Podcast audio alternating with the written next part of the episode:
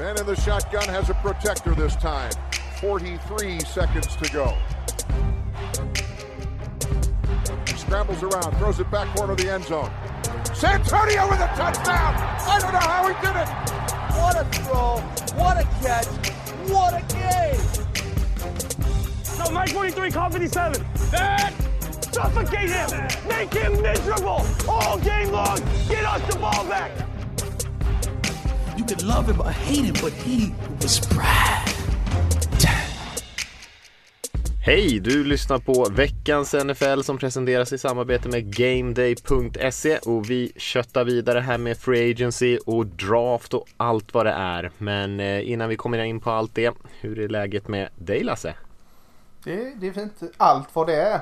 Uh, draft Free Agency, vad är det mer? det är många små saker i de stora sakerna. Ah, Okej, okay, jag tänkte så. Tänkte jag, då var jag inte så jävla redo för när, om vi ska prata om typ annat. Men, men uh, nej, det är fint. Uh, äntligen är vi inne och pratar linebackers. Så kan ju inte vara annat än, klackar i taket. Exakt, får se hur många namn det blir idag. Mm. Ni andra, hur är det med er? Jo, men det, alltså man ser alltid fram emot linebackers och eh, Lasses... Eh, det är ju så någonstans name-dropping bonanza som det brukar bli. Jag gissar på, över under ligger väl på typ 27,5. Ja, jag har varnat min, min sambo att nej, jag, kommer, jag kommer att lägga mig någon gång vid halv två skulle jag tro om Lasse ska få köra fritt. Vilka förväntningar Lasse! Ja, underbart! Det är, ah, ah. Jag gör mitt bästa att leva upp till. Hur är det med dig Mattias? Har du också linebacker-panik? Nej det har du inte. Nej, verkligen inte. Verkligen inte. Jag, jag ligger lite efter så att jag ska låta er tre rodda linebacker-gruppen idag. Men det är, det är kanske lika bra så som, eh, så som det låter här innan vi har börjat.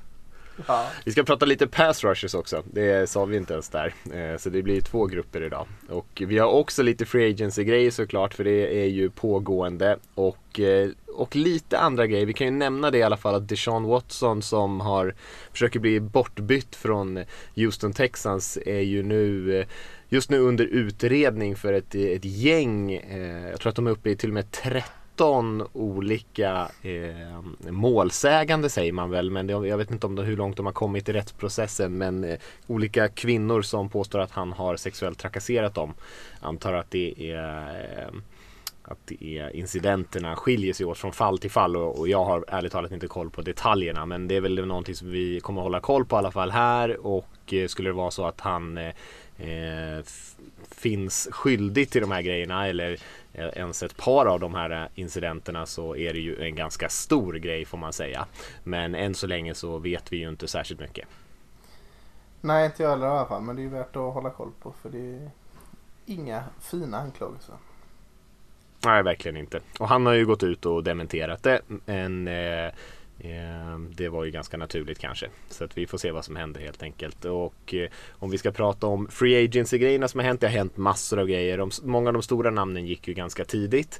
Ehm, och nu börjar det väl med vad de här eh, värdevärvningarna. Även fast eh, vi kanske inte håller med om just i den här podden att alla värvningar som har skett den här senaste veckan har varit bra värde på. Men vi kan väl nämna att det var ett par spelare som i alla fall valde att stanna i sina klubbar där de redan de spelade förra säsongen som vi kanske misstänkte skulle kunna nå Free Agency. Juju Smith-Schuster, receiven i Steelers till exempel. Justin Simmons, safety i Broncos. Trent Williams signade om med 49ers på ett jättekontrakt. Den offensiva attacken som är en väldigt, väldigt bra spelare. Leonard Williams hittade ju ett nytt stort kontrakt med, eh, med Giants eh, bland annat.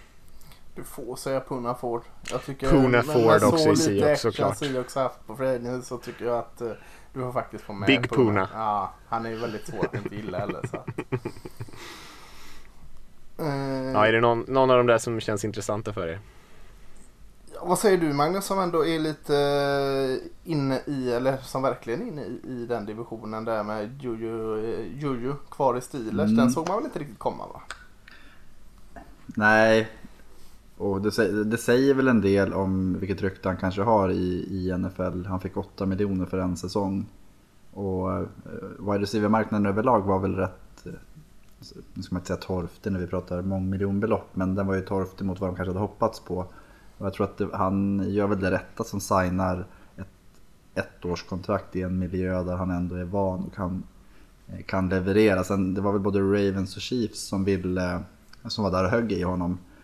Eh, och jag var inte speciellt förvånad att han inte valde de två som erbjöd några slantar extra framför att stanna i Pittsburgh. För det, det ska ju mer till för att man ska gå till en rival. Då hade det krävts ett längre kontrakt. Ja, nu, nu får jag väga mina ord här eh, eftersom jag var ute och, och sladdade med istid och dinosaurier sist. Men, men eh, vad är det att marknaden är väl mättad då kanske lite på wide receiver eftersom eh, man har märkt att eh, det går inte att få de här monstilerna. Det, det finns eh, det finns bra med wide receiver som det är överlag nu i NFL. Va? För det är lite tuffare. Det är bara vissa lag som eh, host, host Giants som, som lägger obskyra summor på, på wide receivers här just nu. Eh, och det har vi väl sett i senaste draften också att wide receivers spottats ut ganska rejält. Eh. Mm. Mm. Jo, det hänger ju samman såklart att det, är, det har varit senaste tre, fyra drafterna har ju varit mycket wide receivers och eh, årets draft är inget undantag. Så det är ju det är lätt att tänka att vi sparar in där och sen så chansar vi på att plocka någon högt i draften istället. Mm. Mm, Bara Alabama har ju liksom fyllt ett, ett, två lag själva. Mm. Många har lyckats tidigt också av de som har mm. draftats. Ja. Eh, och det kanske får lagen att känna att eh, ja, det här var ju ganska lätt att bara drafta någon. Sen får vi se om det håller i sig den trenden. Men... Alla utom Ravens.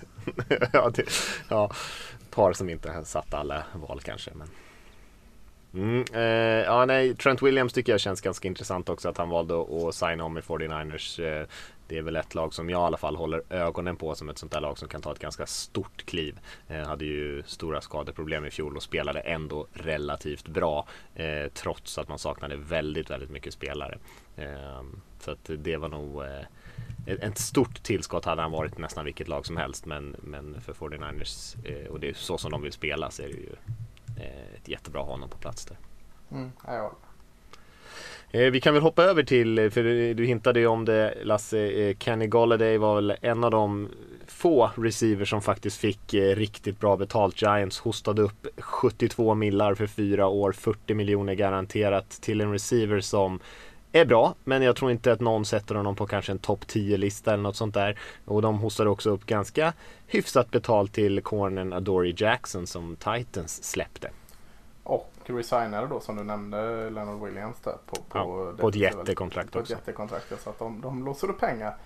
Eh, jag, tycker, jag har alltid tyckt Kenny Gold har varit lite underskattad. Eh, och det tror jag säkert ni håller med om. Men, men eh, tycker du summerar det väldigt bra. Han är ju inte med på några listor av en anledning. Liksom. Han, han är en bra och stadig receiver. Men för de pengarna så ja, det kändes väldigt, väldigt nästan desperat av Giants utan att behöva liksom vara det. Men, tycker... Men finns det inte liksom, ja, de känns ju ändå som att de kanske tänker att de måste försöka bygga nu. Nu är det ett läge i divisionen kanske att man ska kunna ta över Dallas. Nu kommer ju sig, när Dark är tillbaka blir det ett annat lag kanske. Men divisionen var svag förra året. Man kanske kände att nu kan vi kanske koppla ett grepp om den här. Om vi vågar spendera lite pengar. Vi har en QB på ett rookie-kontrakt. Eh, det finns ju, om, liksom, har man utrymmet så ska man ändå kanske kunna utnyttja det på något vis. Sen får man ju se, det är en del chansningar det här och att man hoppas att de här spelarna har liksom en ganska stadig pil uppåt fortsatt. Ja, det, det med. Och så, så, är det ju det du, Magnus var inne på det med att Julius Smith-Schuster bara signade ett ettårskontrakt. Eh, många spelare som gör det lite för att eh, visa sig på för nästa år när alla räknar med att lönetaket får sig ett ordentligt uppsving igen också. Så det får man ju också lägga in lite i beräkningarna såklart. Men sen är, jag tycker att om man tittar på just uh, Kenny Golladay så är det ju inte jättevanligt att uh, att lag släpper en superstjärna och han blir betald, jag tror att det är sjätte dyraste kontraktet eller sjätte högsta lönetagsträffen på wide receiver. Att det, det, det säger ändå något att Detroit ändå släpper honom. Mm. Och frågan är vad de ligger liksom just nu i sin eh, eh tidsplan kan man säga, Lions. Mm. Som, mm. som eh, jo, för han är ju typ 24-25. Ja, nej visst. Nej visst. Men de kanske trodde att det skulle vara den här typen av deal som de skulle behöva hosta upp och då ville de mm. inte göra det. Eh, Men det säger ju en del det också som du säger. Vi har några mer random signing som jag har skrivit upp här också. Eh, Will Fuller, receiver, signar med Miami, Dolphins. Patrick Peterson som vi pratade om förra veckan, cornerbacken, eh, hamnade i, i Vikings. Så vi får väl se om han kommer flytta till safety eller inte. Och sen har vi Keanu Neal också som har gått till Cowboys på ett inte så blodigt kontrakt, Lasse. Nej, ja, det tycker jag var skönt. Jag hängde med den Quinn där eh, från Atlanta. Eh, snackat om att han ska spela safety eller om han skulle spela på weak side linebacker. Vi får la se. Men, eh, båda ett behov i Cowboys. Och eh, för, jag har inte det i huvudet tyvärr. Det skulle jag ha kollat innan. Men säg runt 6 miljoner för ett ettårskontrakt tycker jag är, det är bra. Vad, tror vi om Fem. Patrick Petersons... Fem eh, var det för Ja, Neal. Ännu bättre. Patrick Petersons flytt där, tror vi att han skulle kunna spela safety för Vikings. Det känns som en ganska bra plats att hamna i med tanke på att Zimmer är ju lite av en specialist på secondary just. De behöver ju honom om man tänker på att förra året så hade de väl det var väldigt orutinerade corners. De hade väl både ett, ett förstahundsval och ett andrahundsval som spelade för Mm. dem. Och den rutinen som han ändå kommer in med, säg att få in en, en av alltså, det här eh, decenniets bästa cornerbacks eh, som går in och spelar safety, men han kommer kunna agera mentor för de här yngre killarna också. Så att det är ju en, jag tycker att det är en jättebra signing för dem. Det var ju dyrt va? Fick han inte 10 Jo, miljoner? fast det är låtsaspengar. Det är ju sånt där ettårskontrakt så jag vet inte vad man, eh, de kanske inte de binder ju inte upp sig så mycket. Men visst, det är bra betalt för Peterson tycker jag. Alltså det är väldigt bra betalt för honom. Men ja, det är de Vikings lider så mycket av det kanske. Nej, men jag, jag tror att de, de lägger ju även in det att han kommer ju kunna höja de här och, och maximera deras potential. Och då får man in det också i den summan så blir det ju ändå ett annat värde. På tal om dyrt Rickard, eh, Las Vegas där eh, signade ju sin framtida Hall of Fame center numera. Eh, Fick ganska mycket pengar han med va? Nej, det, var inte, det var inte jättemycket men han fick väl typ, typ 3, 4, 3,5 eller 4 miljoner per år. Andrew James. Eh, som, eh, Ja det var inte värre. ja, han är ju knä, jag Ja det var inte värre. Jag trodde jag lät Nej det var inte så farligt. Men det är väl med att han, de, han har ju inte spelat en riktig match liksom. Eh, det är ju bara utifrån vad de har sett på träningar. Är tung i det är ju rätt sjukt att man kan. Ja tydligen. Men det är, det är så sjukt och det, det, är så här, känns, det känns ju som att det är typ ett PR-move Ja, av att de tradade bort Hudson och alla bara ni är ju dumma i huvudet. Så bara fast kolla. Vi, vår spelare är så bra att vi förlänger honom innan han ens spelar för att han är så jävla bra. Det är så, så dubbla på sin insats på något vis. Eh, istället för att bara erkänna att det, ja, det kanske inte är det klokaste i världen. Vi får väl se hur det löser sig. Det- Men eh, Det var ju en sån sjuk motivering på ett kontrakt. Det är det jag såg så här, en teori att de tänker att han kommer bli så himla bra så de passar på att signa medan han är billig. ja, precis. Det är smart om det går. Men jag tänker, Ja, undrar om men han det- blev chockad när de ringde upp och sa så här, hörru du, vi tänkte bara ge dig di- några miljoner sådär. Trots att du inte har spelat än. Så. Men, Nästa eh, Isaiah Wilson. Så gjorde ju Cowboys med Terrence Smith, eh, left hacken här. Eh, Ja, ser du? jäkla långt kontrakt för honom som då var relativt högt. Men som eh, just nu spelar vi ju med honom för under 10 miljoner per år känns det som. Alltså det är, Så ibland lyckas man ju. Mm. Ja, men skulle nu, det, det är som konstigt, så här, skulle nu Andrew James spela svinbra i två år då kommer de ju ändå behöva förhandla om det där i tredje året. För då kommer inte han stå där och spela på tre miljoner. Utan då kommer han ju vilja bevara. Om, han, om de tänker att han kommer vara en av de bästa centersen i ligan. Då måste de ju betala honom det till slut i alla fall. För annars kommer ju han vara missnöjd. Ja, men då går eh, jag cirkeln tycker- runt igen för eh, Las Vegas. Vet. Då gör de en... en eh, Ja, skeppar de honom ja. Rensar allt igen. Ja, Då har de ändå en rookie quarterback. Vi får se. Vi får se. Eh, ni, apropå quarterback så var det ju några quarterbacks som har signat också i olika lag här. Eh, Andy Dalton hamnar ju i Bears och där kan vi också snacka om ett PR-move. Trubisky hamnade i Bills som backup eh, förra Bears, Bears quarterbacken då och eh, Ryan Fitzpatrick hamnade i Washington. Och han lär ju starta där. Mm. vi är säkra på Trubisky som backup. Ja. Kan ju hoppas att han startar. Ja, Om inte Josh Allen amputerar två ben. Ett så ska han har du sett honom kasta med knä, på knäna? Han kastade ju 60 yards när han satt upp på knäna på combine. ja, Okej då, han borde, måste bli av med minst en arm också. det är som den riddaren i The Holy Grail, den Monty Python-sketchen där. Så. ja, det är fint.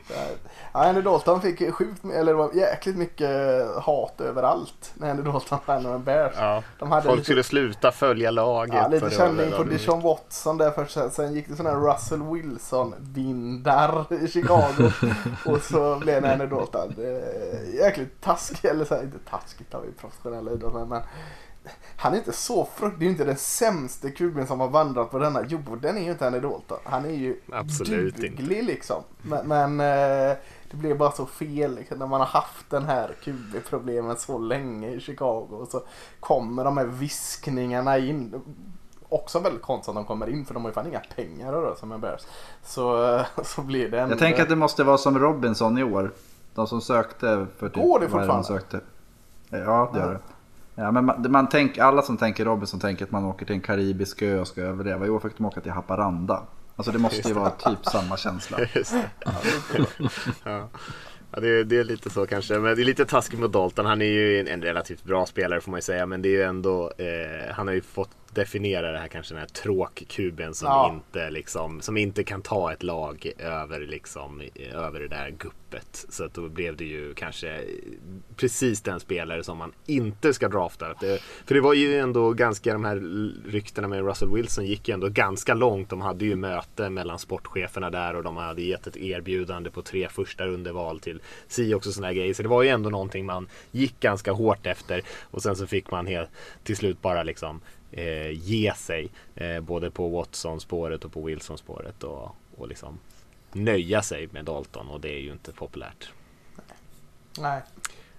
Men vi får se hur det slutar. Eh, vi kanske ska lämna Free Agency-nyheterna där om ni inte har någonting som jag glömde att ta upp här som ni har sett som känns intressant.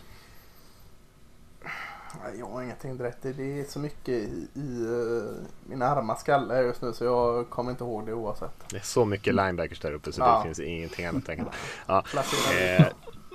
Det kom ju ut också att det skulle bli en lite mer traditionell, eller lite mer traditionell, att det ska bli en draft som faktiskt sker på en eh, fysisk plats med en scen och allt vad det är. Eh, till skillnad från som det var i fjol då. Även fast det säkert kommer vara lite annorlunda på grund av alla covid-grejer såklart så kommer det ändå eh, göra sig lite mer av en produktion än vad det gjorde för senaste gången. Jag tänkte, en sak som vi inte nämnde och det är inte Free Agency, det är en trade. Det är att Michael Brockers till Detroit. Ja just det. Eh, och det var ju lite kul att han när eh, Rams och Lions tradade quarterbacks med varandra så sa han att eh, Matt Stafford är en uppgradering över Jared Goff. Och sen några, någon vecka senare så vart han borttradad tillbaka till Lions. Så det tyckte jag var lite kul faktiskt. Ja, han hade till en bett om ursäkt till, eh, till Goff för att han hade sagt det. Eh, Så det var ju stort ändå. Men det var lite dålig stämning kanske. Jag är så jävla nöjd att jag slipper spela med den där killen igen. Och sen en vecka senare. Ja, fan nu spelar vi igen. Exakt. Surprise! Eh, Ja, som sagt, vi ska ju prata om två olika positionsgrupper eh, och för min skull tycker jag att vi börjar med pass rusher-gruppen eller det som vi kallar för edge. Eh, men, och sen så ska vi ge oss på lite linebackers också. Och om man ska titta lite grann på hur vi har betygsatt dem på sajten. Det här är en grupp som brukar få ganska mycket uppmärksamhet. Pass rushers är ju en, viktig position såklart i NFL just nu, särskilt med tanke på hur mycket det passas. Eh, och det är ganska höga betyg också. Det finns ganska många spelare som har ganska höga betyg. I alla fall av oss på NFL Supporter. Eh, vad, skulle, vad kan man säga om den här gruppen Lasse? Eh, ja, alltså innan jag började sätta mig och summera allt så, så kände jag att eh, är det inte ett litet mellanår för Edge? Och, och, eh, det är inte den där topp top, eh, pass rushen i, år. Det, det, vi, vi kommer nog inte se en eh, Edge rusher väljas topp 5 till exempel. Men eh, jag skulle säga att bredare toppskikt, alltså under eh, absoluta toppen kan jag nog se ändå. Alltså, går det en tre, fyra stycken i första rundan och så eh, fem, sex stycken i andra rundan någonstans där. Så att, eh, det finns ganska mycket intressanta spelare men inte de där säkra korten kanske som vi har haft Eh, blivit bortskämda med de senaste åren. Så att det finns en del, den blir ju intressantare då för det är inte det där givna kortet men, men ganska många som, som eh, har hög potential men är lite mer av en, en ska inte säga chansning men, men inte alls det säkra kortet som eh, till exempel Chase Young förra året var. Ja, det är väl en klass framförallt som känns som att det är så många som är Eh, man ser rätt mycket potential i dem men det är många som inte liksom har lyckats uppfylla den. Eller man tänker sig, om man jämför med safety-gruppen som åtminstone jag tänker är svag för att det finns liksom tydliga svagheter som jag tror att många av spelarna inte kommer liksom kunna lära sig i NFL. Så känns det ju som den här gruppen är en många spelare som man tänker att ah, han, han kommer ju bara bli bättre eh, så länge han hamnar i liksom rätt situation och man kan utveckla honom. Eh, så det är många spelare som känns väldigt spännande av den anledningen. Mm, men eh, kanske ingen komplett spelare som de här eh, Bosa-bröderna eller Young eller eh, Garrett eller något sånt där. Ja, men eh, sen är det ett, ett, helt gäng namn och det är väl inte så konstigt heller då att det är två spelare som i alla fall just nu sitter på delat eh, toppbetyg här på våra, bland våra eh, edge rushers. Och eh, vi kan väl börja i den ordningen som de står här nu. Eh, även fast jag personligen nog inte skulle sätta Gregory Rousseau från Miami nummer ett på våran edge rusher-lista så är det där han har hamnat just nu. Eh, tillsammans med Quitty Paye kan man säga på, på eh, Michigan. Men vi börjar med Rousseau. Ja, Magnus, börjar du med Rousseau. Eh, du är lite Miami-glad.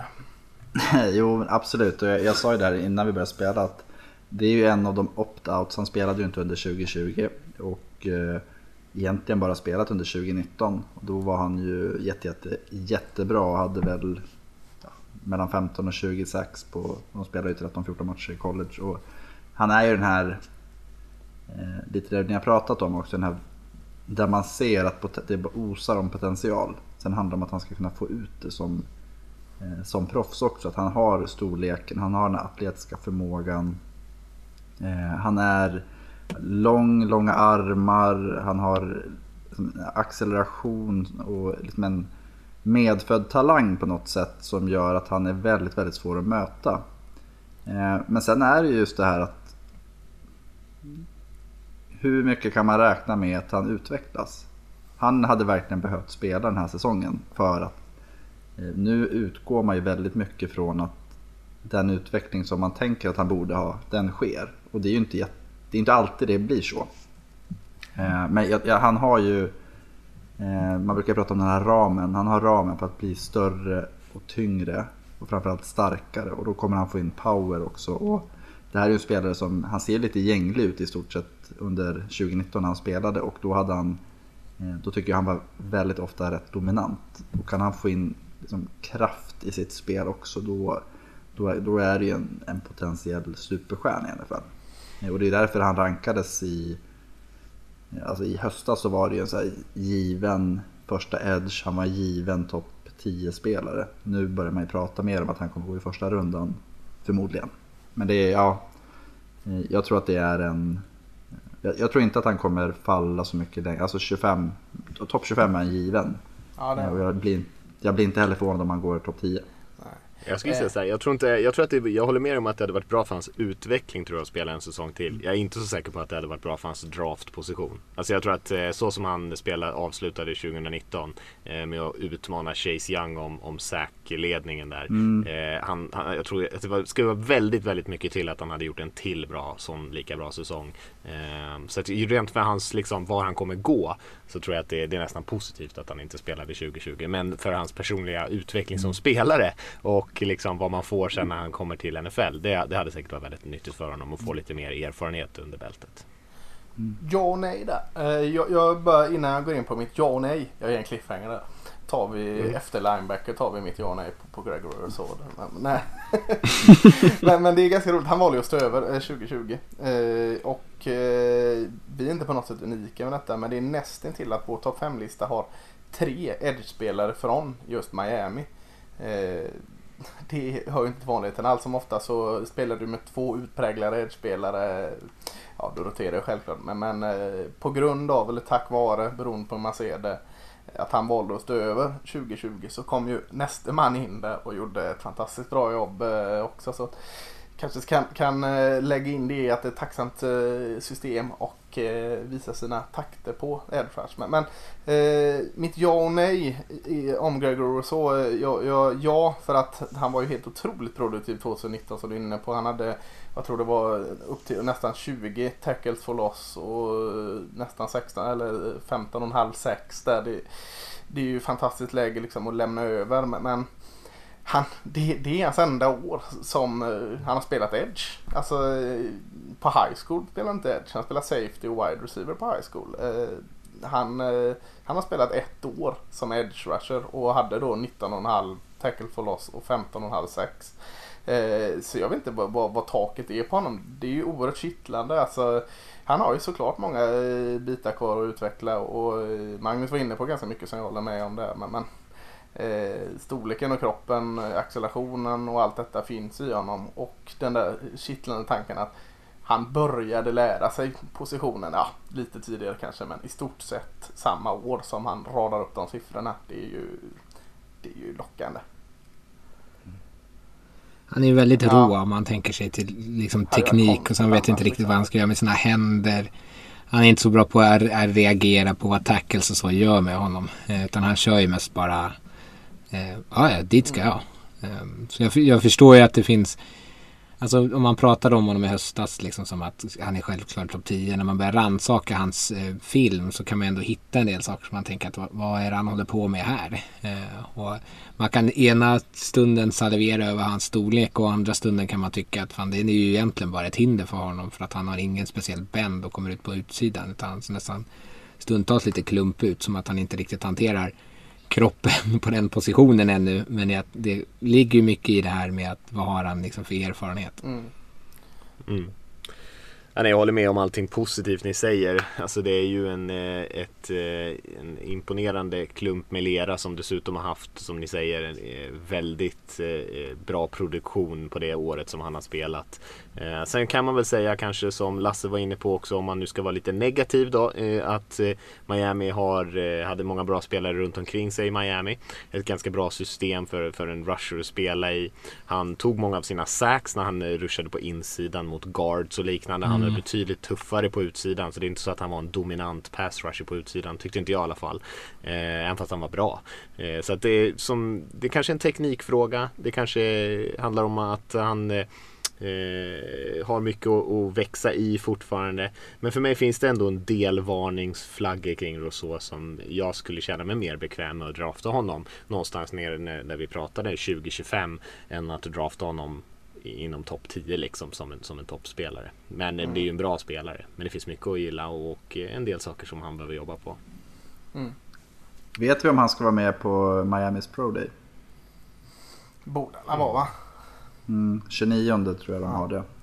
Eh, och en sån sak som ja, men lite, lite det man saknar så är det ju den här explosiviteten. Eh, och, och, det tror jag det är ju mm. rätt viktigt att ha den just för att kunna spela på kraft. Eh, och det, det, ja, det ska bli mm. kul att se vilka siffror han har. Det säger ju inte allting men det säger lite ändå om vad han... För jag tycker det saknades när man tittade. Att det var, inte, det var ju sällan han liksom pang förbi. Mm. Timingen uh, satt ju inte Han spelar ju ganska högt. Ja. Svårt att se att han kommer testa så bra heller med den längden. Han är ju över två Nej men det, det, just det, det blir intressant att se vad han har jobbat på under året. Mm. Han suttit i soffan. han var bra jag är, sa han efter 2019. Sen har han inte rört sig sen dess. Ja. Han är klar. Eh, ska vi prata lite grann om Quitty Paye? Jag vet inte exakt Pay. hur man ska uttala hans namn. Quitty Pay. Quitty Pay. Ja. uh, som har en ganska spännande bakgrund ju. Han är född i ett eh, flyktingläger i Guinea. Efter familjen flytt från Liberia. Så att ja, han, kanske det är Paye då egentligen. Men han har blivit amerikaniserad uh, så nu är det Quitty Pay. Pay. Pay, pay me. Pay the man. Uh, Eh, ja, men spelade ju alla möjliga positioner i high school. Quarterback, running back, receiver, linebacker. Eh, och har ju inte direkt så här, eh, jag skulle säga så här, han är ju en, ett superfreak fysiskt. Men har inte riktigt matchat det med produktionen i college. I alla fall inte om man pratar om antal sacks och sådär. Ehm, håller ni med om det? Ja. Det är Jim Harbaughs fel. Eh, Jim nej, men, ja, jag tänker också på en annan Michigan eh, på insidan där. Eh, tar ju alltid upp som exempel med Rashard Gary. Mm. Eh, så man såg hela tiden liksom storheten i han men man såg aldrig han ta den någon, någon vettig stans. Eh, nu eh, ska jag, jag, jag kör på liberiansk uttal och säger paille. Då det, det lät så mycket göttigare. Pratar inte de engelska? eh, Eller blir det... shit, då kör vi vet, igen jag- här då. Ja, Pajen. eh, Pajen. Ja, eh, jo, jag håller med. Eh, potentialen är ju den som man liksom blir het på. För han är snabb, explosiv. Eh, det, är ju, det är ju grejen med eh, Pay. Eh, men sen, sen är det ju de här grejerna. Han är lite sen eh, reaktion på snap.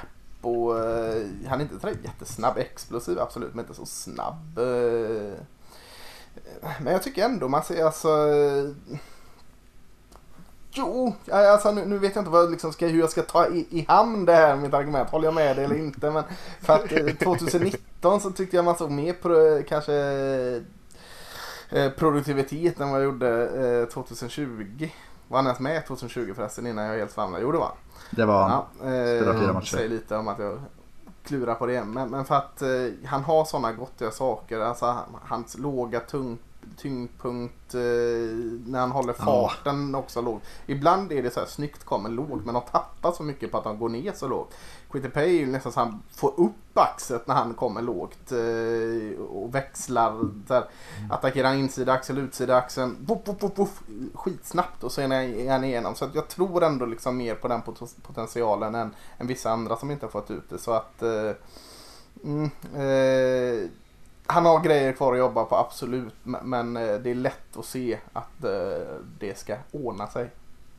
Han har ju två liksom trästammar till ben också. Ja, så det är en riktigt goda ben kraftig underkropp. Och jag, jag höll ju på att bråka med, eller bråka höll på att skicka massa eh, testresultat till er där. För han gjorde ju en, en eh, smått legendarisk three cone drill där han sprang den på under 6.50 och det är ju väldigt, väldigt bra. Jag skulle säga att det är i stort sett snabbare än alla de bästa pass rushers i NFL och, och finns det kanske någon övning på combine och sånt där som brukar eh, säga ganska mycket om eh, hur spelarna kommer prestera så är det väl kanske kopplingen mellan just pass rushers och den här three cone drill som handlar väldigt mycket om att eh, byta riktning, komma lågt, eh, runda hörnet eh, och den typen av grejer som man ofta gör som pass rusher och där var ju han eh, fullständigt eh, makalös Paille. och det syns ju på plan tycker jag det som du pratar om det att han kommer lågt han exploderar ur eh, och håller balansen på ett bra sätt samtidigt som han gör det.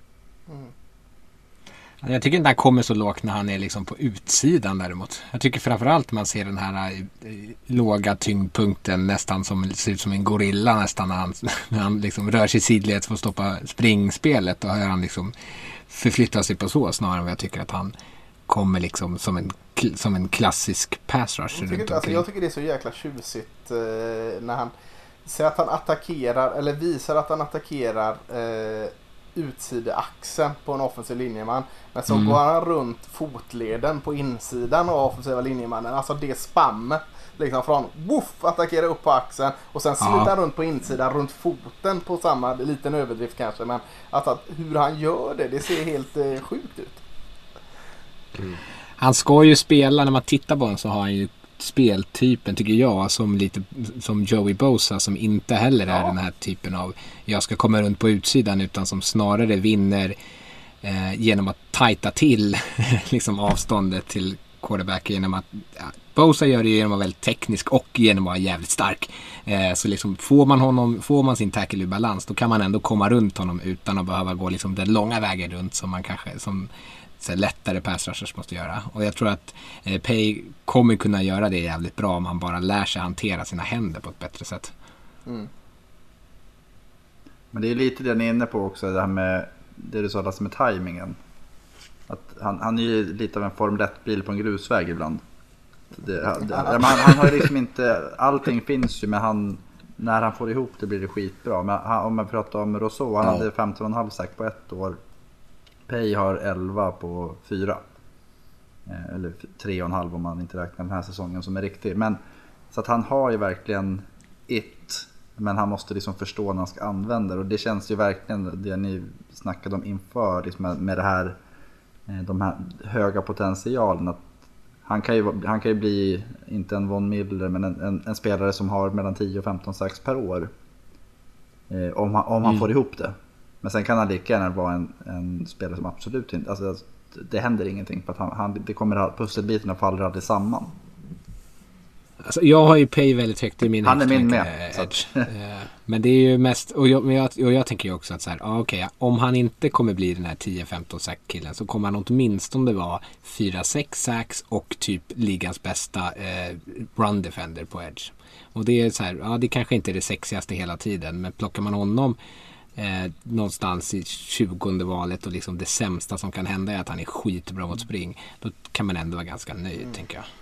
Ja, han är ju ganska bra redan nu och han är ju som sagt ett freak fysiskt. Så att jag menar det är ju lite på coacherna faktiskt om han inte lyckas i NFL. Alltså det är ju lite så här, får man in den typen av spelare att jobba med. Alltså då är det ju upp till coacherna att se till att han sätter tekniken. Eh, för så jäkla komplicerad är ju faktiskt inte den utan mycket handlar ju om att vara den fysiskt överlägsna spelaren just som pass rusher. Eh, och sen såklart det är massa andra saker som man måste också vara bra på för att det ska gå. Men de sakerna ska man ju kunna träna in. Eh, så att jag tycker också att han har ett hyfsat lågt golv ändå men ett väldigt, väldigt högt tak. Eh, ska vi gå över till trean på listan då? Det är Joseph Osai från Texas. Lasse, ska du kicka igång oss där? Det är väl lite av eh, dina gubbar?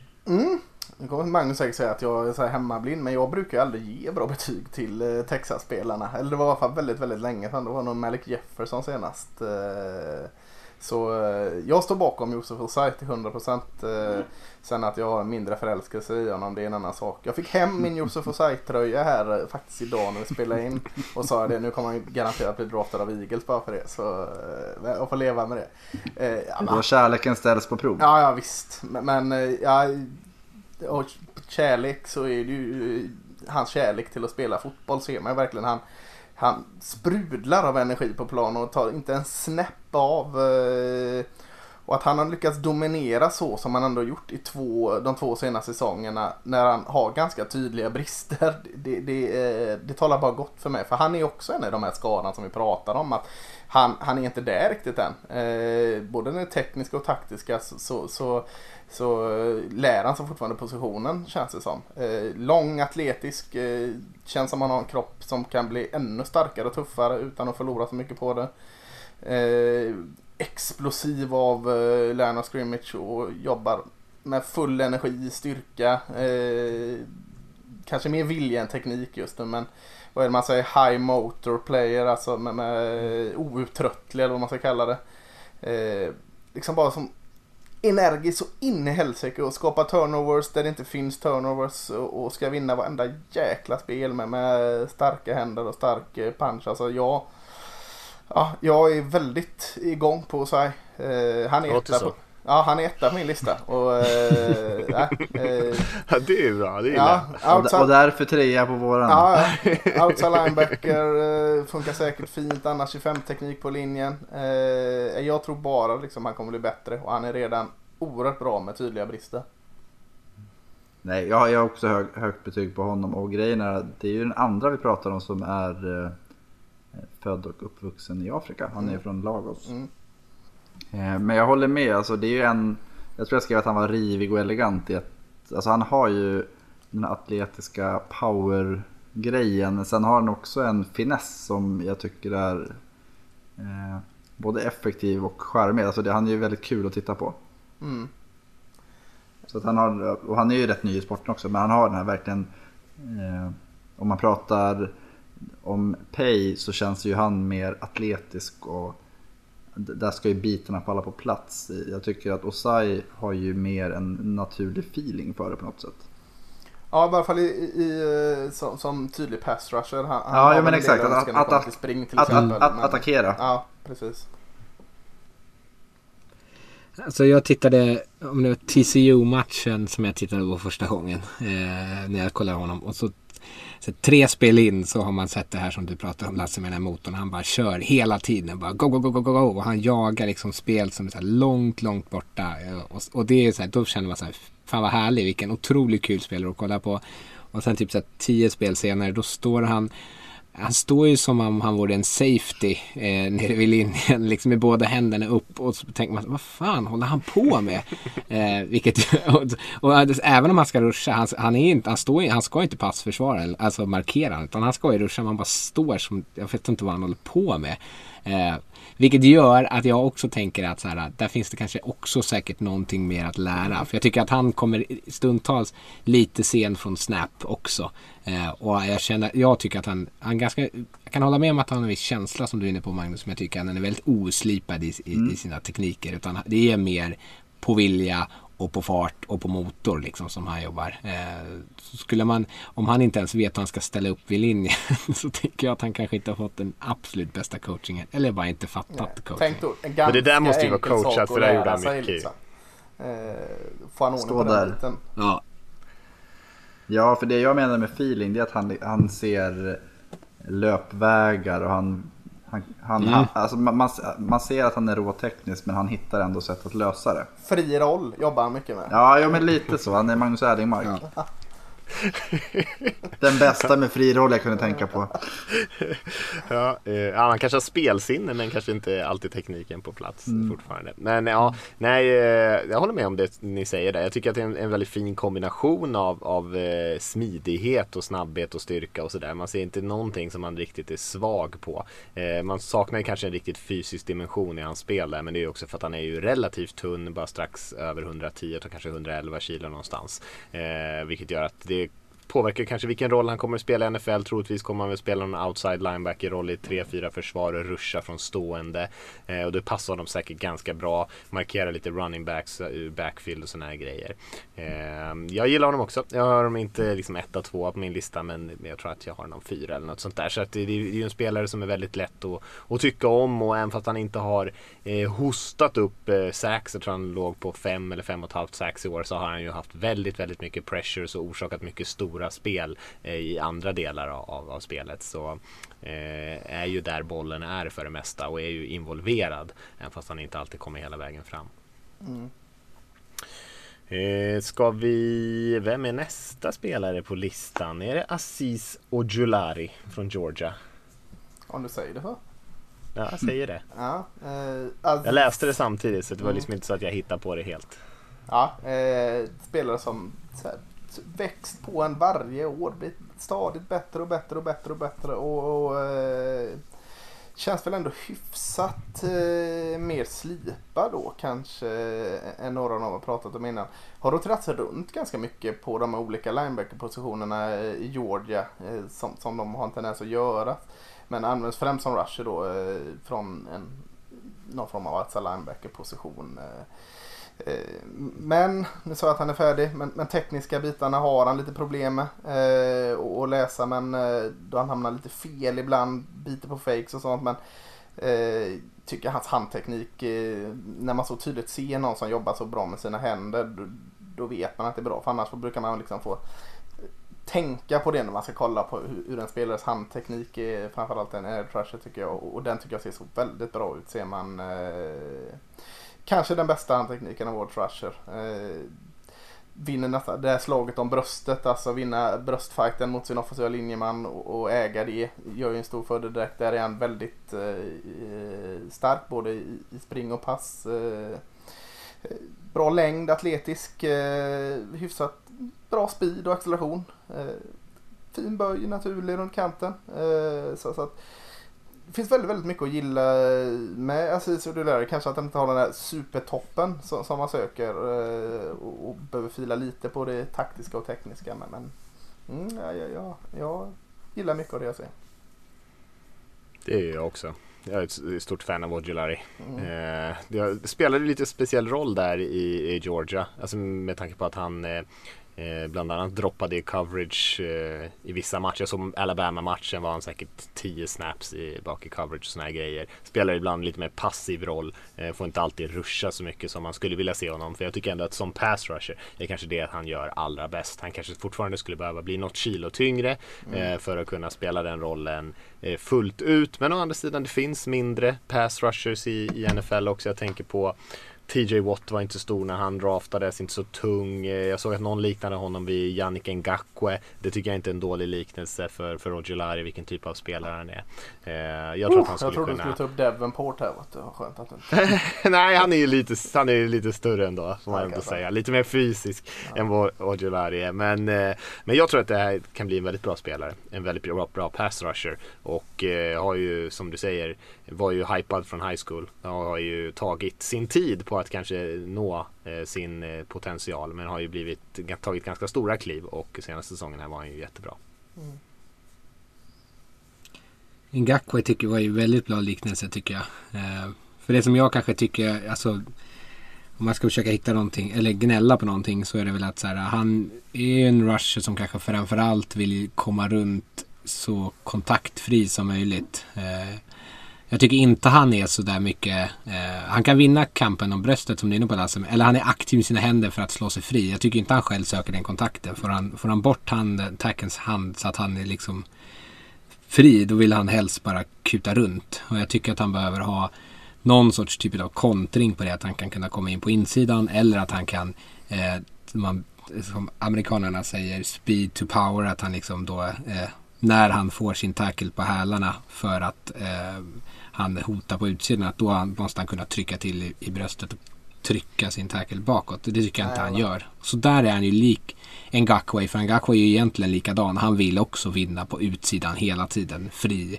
Eh, och har inte det här kraftelementet i sitt spel. Jag håller med Rickard i just det här med händerna. Jag tycker inte heller att han...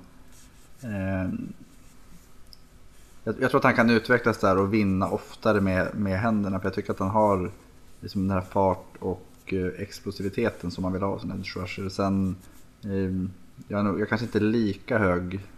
Jag, tror, jag vet inte om jag har honom på typ 80 eller 81 eller något sånt där.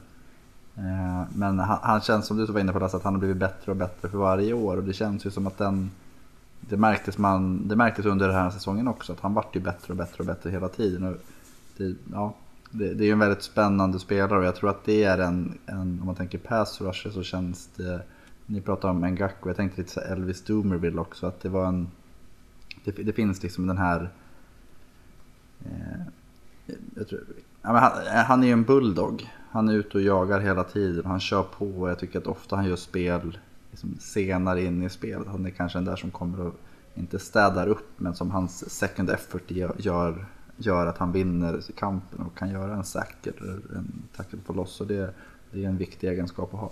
Mm. Har ju också att göra med den som Mattias säger där, att han eh, används lite olika mm. linebacker-positioner under Georgia-tiden. Mm.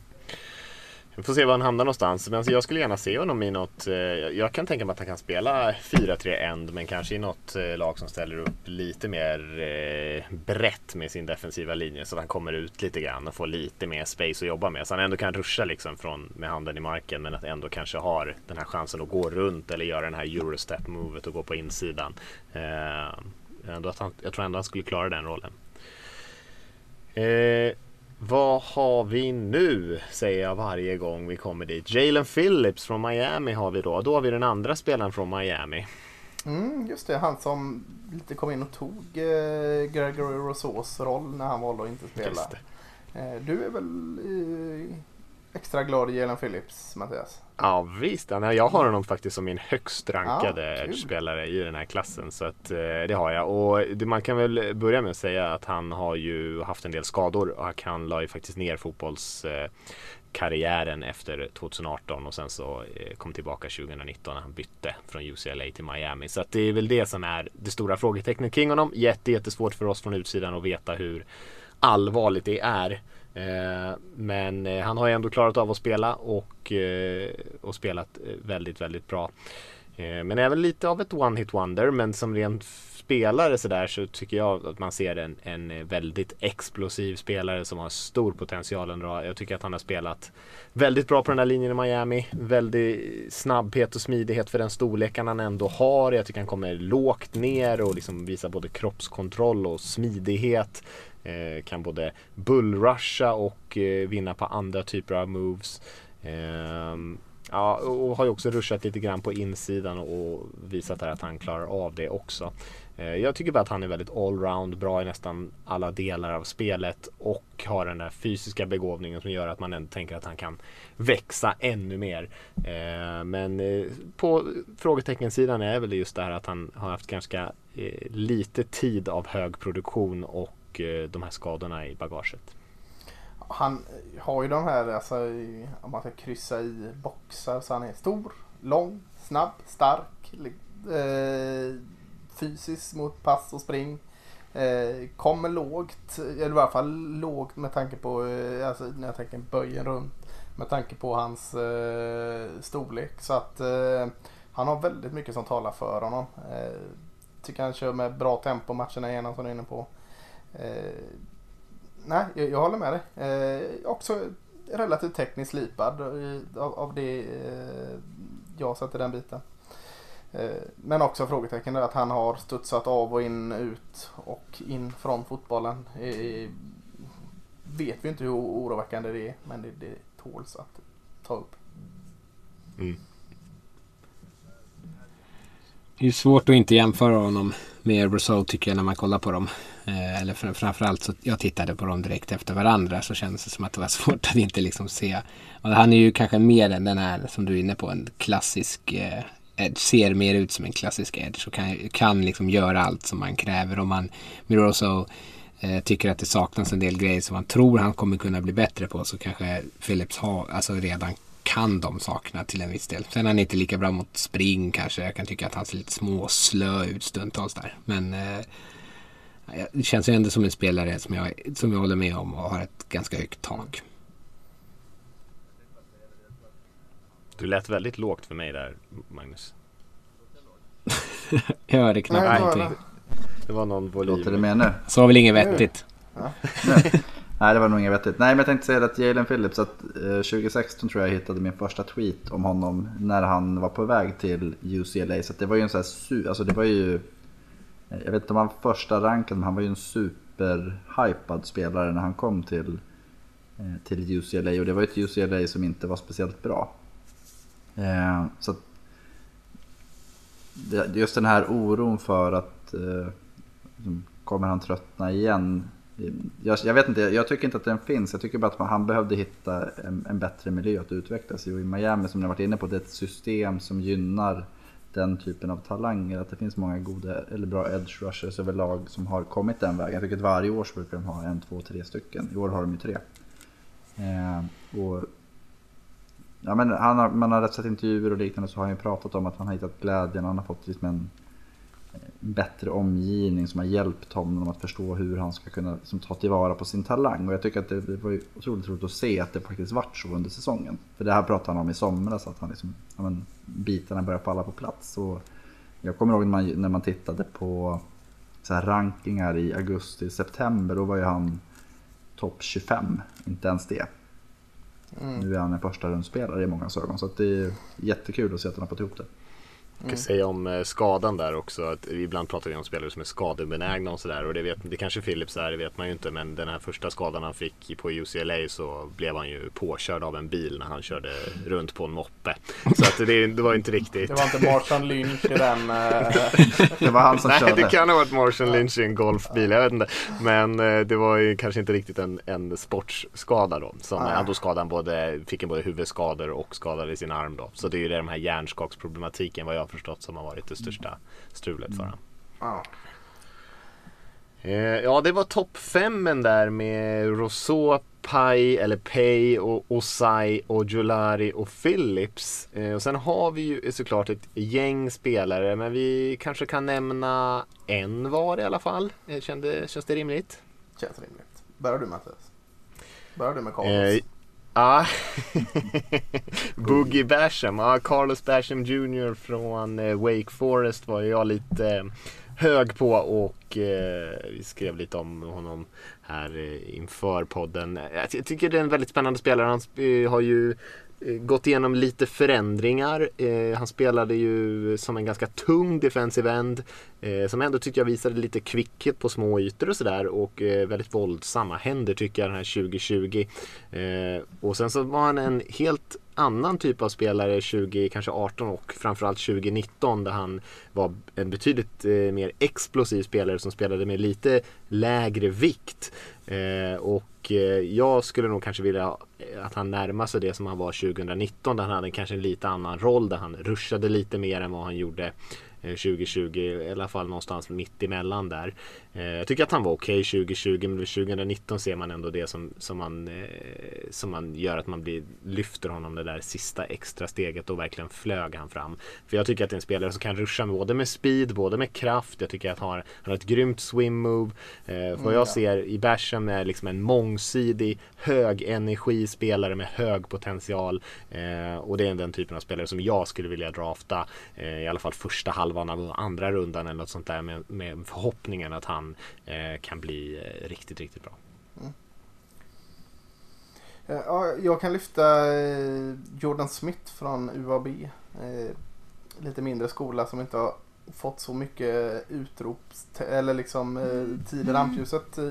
Väldigt fin seniorboll. Fick många upp ögonen för honom. Före detta Gator-spelare men fick lämna där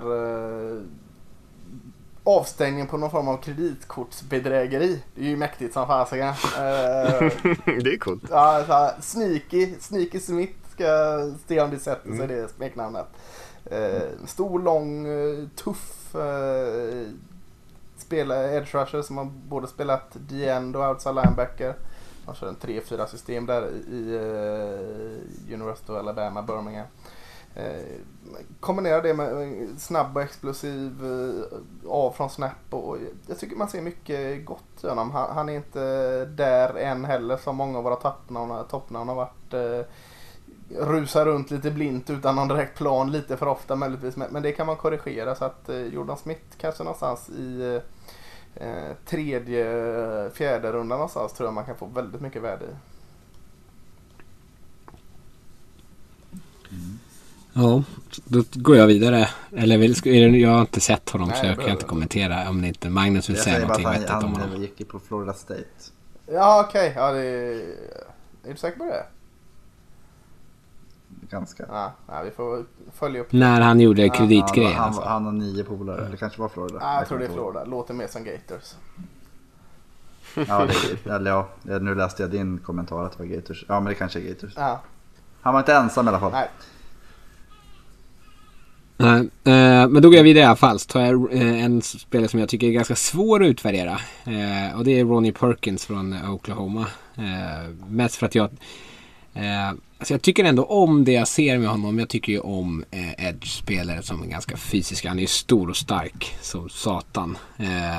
och jag tycker att det, han kanske inte alltid är den bästa positionen i Oklahomas system. För de håller på att skicka runt honom med massa diverse stunts och sådant. Han ska flytta i sidleds längs med linjen. Vilket jag tycker är ett slöseri på det som han gör bäst. Och det är ju bara att bullruscha och liksom trycka sönder fickan. Och egentligen borde de ha spelare som loopar runt honom för att öppna upp. Eh, men de flyttar honom runt lite också så han ibland är han ute på eh, en, klassisk 4-3-end och ibland är han inne på liksom en pass rush defensive tackle, eh, 3-tech liksom. Eh, men eh, jag gillar honom, jag gillar spelare som har ett S i rockärmen och sen liksom kan på något sätt lära sig komplettera det. Så jag tror ändå att Perkins kommer kunna bli en kanske inte har det här högsta taket men i alla fall en pålitlig starter som eh, kommer kunna spela väldigt länge. Och han har inte eh, kreditkortsbedrägeri. Däremot har han ett positivt drogtest. Så han har också varit avstängd en del här. Så vi tar våra bad boys här. Jag tycker det är väl okej okay ja, nu för tiden. Det är, inte det? Är okay. han, han, är, är ju, ja, han är ju ett nyttigt svin är, om man säger så. Alltså, han är ju jäkla tyken, jäkel trash talky och, och jävlig mot motståndarnas varenda chans han kan få. Vilket är eh, svingott att ha en sån på plan. Det gillar jag också. Jag håller med om Perkins, det är en väldigt intressant spelare. Mm. Det känns väldigt Oklahoma. Mm. En sån så här lite nischad. Eh, nej, men jag, jag lyfter en Duke-spelare, Chris Rump, den andra. Eh, mm. Den andra rumpan sa du väl Lasse, eller mm. något sånt. Eh, en, eh, han har längden men han är lite tunn. Men han har ju den här... eh, man säga, han, vi brukar ju prata om att de är väldigt eh, atletiskt eh, i framkant men kanske inte så slipade. Jag tycker han är väldigt slipad. Hans eh, pappa Rump är eh, outside linebacker coach i Houston Texans. Eh, och har själv spelat på hög nivå och varit coachat på hög nivå. Så att, så att han har väldigt mycket sånt med sig. Det handlar ju liksom om fysiken som gör att jag, jag tror att det inte pratas lika mycket om honom. Men man ser liksom att den här kvickheten, explosiviteten och det. Han har ändå spelat på en Power 5-skola och varit väldigt produktiv de senaste två åren. Och det är en sån spelare jag tror kan få ett, ett lyft i en bättre omgivning också. Att han, eh, det ska bli väldigt spännande att se vart han går och hur mycket man värdesätter eller framförallt hur mycket tror man att man kan forma hans kropp på ett annat sätt? För det, tanken är väl att han, han borde ha förstått att han skulle ha gjort det tidigare. Eh, Men jag tror att det är en, en sån här potentiell pass rush specialist som eh, kan få en viktig roll i ett, eh, i ett lag som eh, snabbt kan bli ett namn man pratar om. Mm. Ja, spännande. Kul att han kommer på också. Mm. Eh, det får väl eh, avsluta våran eh, pass rusher-grupp då och så ska jag droppa av och lämna väl över eh, pinnen till dig där Lasse för att styra den här kosan vidare. Ja, du kände att jag behövde få mer svängrum här när det är linebacker. så du, det är inte bara att du är tyst utan du är det helt sonika av. Jag är lika bra det. Orkar inte höra på det drabblet. Ja, nej men. eh, Ja, tack för att du var med oss så här långt ändå Mattias. Ja men det kan jag bjussa på. Ja, är det några välvalda ord du liksom vill lämna sändningen med innan eh, tugget går vidare? Nej, nej, kör hårt. Ja, okej. Ha det. Råda alla lyssnare att stänga av. Ja. Här hade ni chansen. lead. Här hade ni chansen. Mattias tog, Mattias tog den. Eh, men men eh, Rickard, du är kvar va? Magnus, ni är kvar? Ja, vi är kvar. Ja, ja bra. Ja, tyvärr. Eh, nej men jag ska försöka hålla mig. Jag ska försöka. Eh, ja, men vi går rätt på det. Linebacker-positionen. Du och jag Magnus har hintat om att den är ganska intressant i år. Eh, Att jag säger det, det ger ju ingen liksom, styrka eftersom jag säger det varje år. Men, eh, utveckla lite där Magnus. Nej, men det, det känns ju som att tidigare år så har vi pratat om att det kanske har varit, nu kanske jag kommer ihåg lite dåligt, men det känns som att det är så två, tre spelare som är värda att ta topp 70. Mm. I år så tycker jag att Eh, ja, vi, vi är nära på 10, alltså 8, 9, 10 spelare som jag tycker kan gå första, första två rundorna. Och det, eh, framförallt så har vi ju i alla fall fyra som jag tror går i runda ett och det är ju inte jättevanligt. Sen är de väldigt olika som spelare och det tycker jag också är kul att eh, det är ju inte den här klassiska liksom, inside linebacken som är lagets ledare och liksom fältherre och den seberala spelaren alltid utan det, det är ju väldigt, de kommer i olika former i år. Ja, jag, det hade varit drömmen att se fyra linebackers gå i första rundan. Jag, jag, har, jag tror det när jag ser det. Eh, Men, Tre går i alla fall. Ja, men, men eh, det finns absolut att stryka under att så kan vara fallet. Vad, vad säger du om linebackergruppen Rickard? Ja, jag trodde ju först inte lika mycket på det. När jag, jag, jag, jag, gjorde ju, jag har ju varit lite kritisk mot en del spelare. Men det var också nu när man ska kolla dem med andra. Jag började ju titta framförallt började jag kolla på Mi- Micah Parsons. Eh, och så satt jag och tittade på dem samtidigt som NFL-säsongen var igång. Och ibland så känns det som att man lite, har lite orimliga förväntningar då.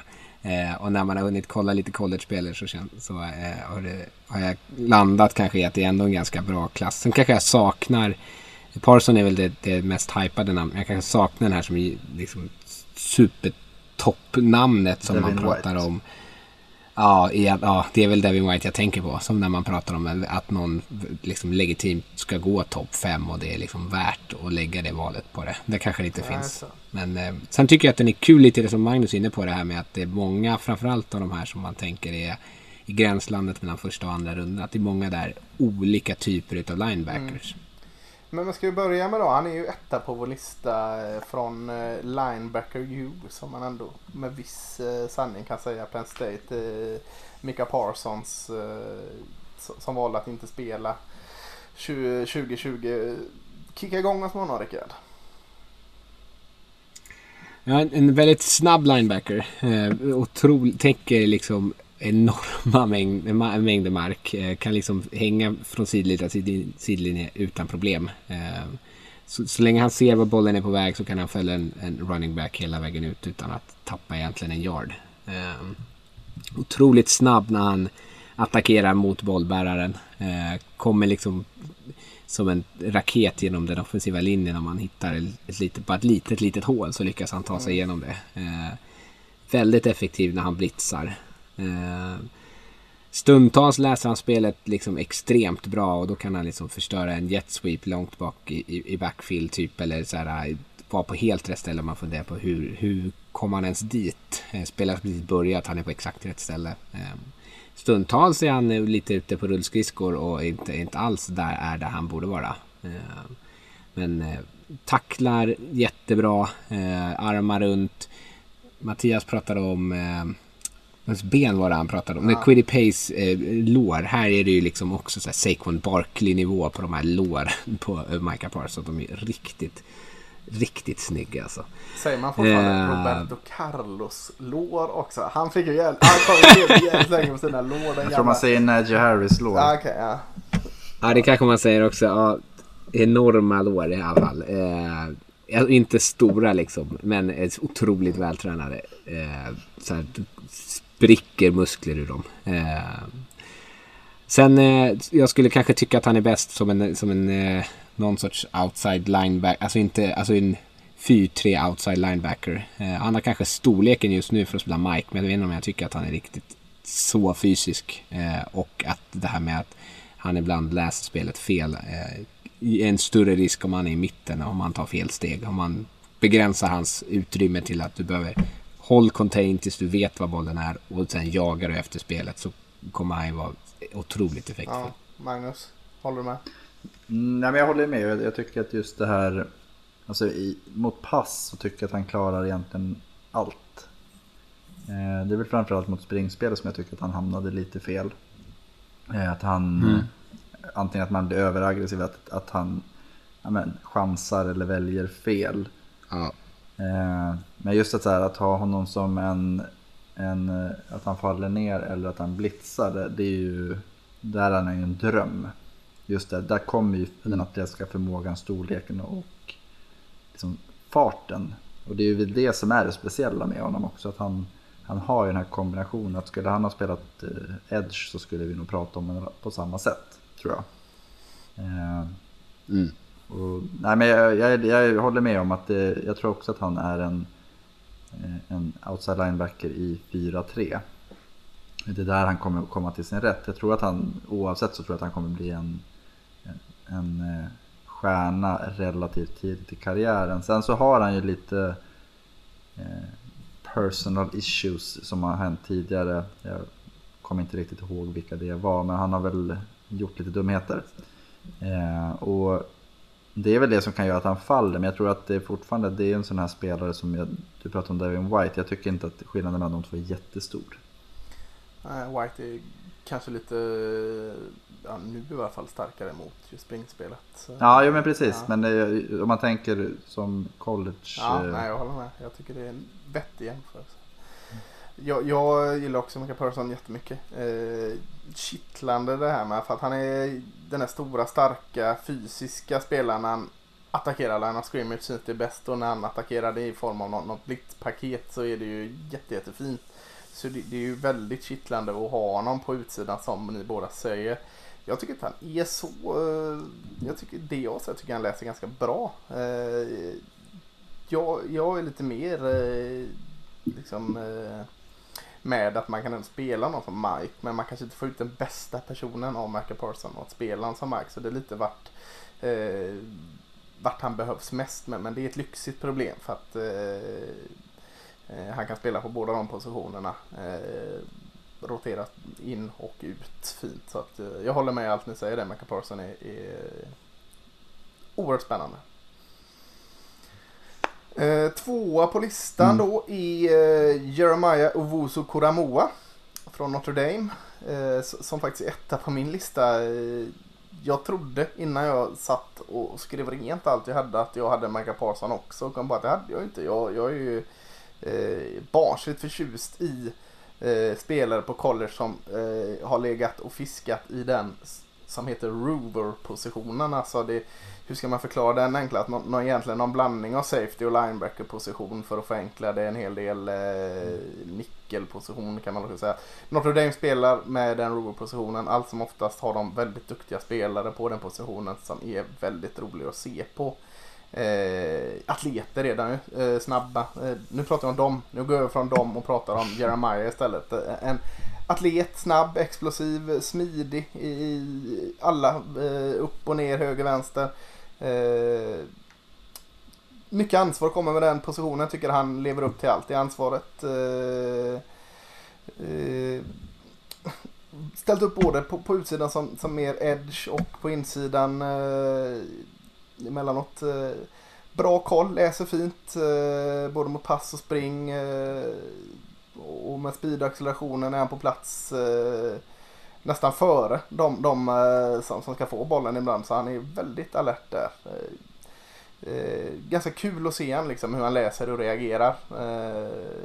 det är kanske det jag gillar mest med honom. Med tanke på att han ändå han har varit DB då innan så är det ganska naturligt att han är bra i motpassspelet. Kanske kan önska att han skulle vara lite mer dominant då med tanke på den eh, positionen han hade där. Men ja, jag är en oerhört rolig spelare att kolla på. Mm, jag, jag, jag funderar lite på om man tänker Isaiah Simmons som... Ja, det är ju det man får gå in och pilla liksom. Ja, ja men det, det är ju lite samma spelartyp. Och om man tänker Simmons var ju mer lineback tycker jag att eh, Jock som jag kallar honom, för att jag inte orkar säga hela namnet. Eh, han känns ju mer som den här alltså rover, safety, nickel. Liksom, det, är, det är mer åt det hållet han svävar på något sätt. Eh, men en annan spelare jag tycker han påminner lite om är Alvin Kamara. Eh, och det undrar ni varför att jag jämför dem med en running back. Ja, verkligen. men det är just den här, alltså, jag brukar säga att Alvin Kamara är en explosiv gummiorm, men jag, jag, tycker att det är samma sak med Koramoa. Att han, ha, alltså, han har ju en sån här makalös förmåga att liksom bara sprattla till och sen så gör han spel. Alltså, när, när han snokar rätt på en screen, det säger bara pang, sen är han ju där. Mm. Och, och, det är ingen som ofta. hinner med. Ja, men han gör det hela tiden och det, det, det är så himla kul att se att det det finns ju en vad ska man säga, kontrollerad vårdslöshet mm. i sättet han spelar. Och det, eh, det, det må vara farligt men det är väldigt kul att titta på. Eh, och just den här farten, explosiviteten och förmågan att eh, spela många olika roller. Det är ju det är väldigt unikt. Men det är också, han är ju en utmaning för en coach att ta in. För mm. det är ju inte bara men du står här och så gör du de här sakerna utan det är ju Ska du maximera honom så ska du ha en plan för hur du ska använda honom och det kräver ju lite mm. mer förarbete. Men eh, liksom knäck, eller får man till den koden eller vad man ska kalla det så tror jag att man har, då tror jag att han kan vara en, alltså bli en superstjärna jättefort. Eh, just för att han syns. Mm. Ja, jag håller med om allt Jenne säger. Eh, och eh, om man, ska vara, om man ska vara snäll mot eh, Karamoa så ska man ju liksom Simmons var ju snackades så sjukt mycket om honom och sen hade han ju lite problem egentligen sitt rookie år för att han inte hade de här instinkterna som jag skulle säga att Karamoa har. Som, eh, eller att han i alla fall inte spelar med samma typ av övertygelse till sina instinkter. För eh, Karamoa kan ju ibland vara vårdslös och så kanske jag kan tycka att han missar några tacklingar, tar lite tveksamma vinklar. Men han gör ju ändå det med liksom så här. Det är hit jag ska, jag kör, boom! Och så kör han liksom, utan att tveka. Ja, men precis. Och med Simmons, så åtminstone första året nu, hans rookie-år, så kändes det som att han, han väntade och ville se vad det utvecklade sig innan han sprang dit. Och då var han ju ofta ett halvsteg eh, sen och då missar man ju spelet istället. Eh, så på så sätt skulle jag snarare jämföra med Jeremy Chin eh, i, i Panthers som jag och liksom också har den här typen av självförtroende till sitt beslutsfattande. Att han bara kör. Ehm, men sen är det, om man ska liksom lyfta någonting negativt med det här så är det ju den här rover-rollen som den är svår att se. Det finns ju otroligt många spelare som man liksom i de här draftprocesserna sitter och säger så här, ah, vilken superatlet. Han är så sjukt bra. Och jag vet inte vad man ska spela honom, men spela honom bara och så kommer det bli bra. Och sen så blir det inte alltid så jävla bra. Och om det är spelaren, om det är att rollen inte går att efterlikna ett NFL-försvar, att det är tränarna som inte kan utnyttja de här spelarna, det vet jag inte. Men liksom ett varningens finger kring liksom hur de här Rover-spelarna liksom gör sin transition från college till NFL. Mm. Mm.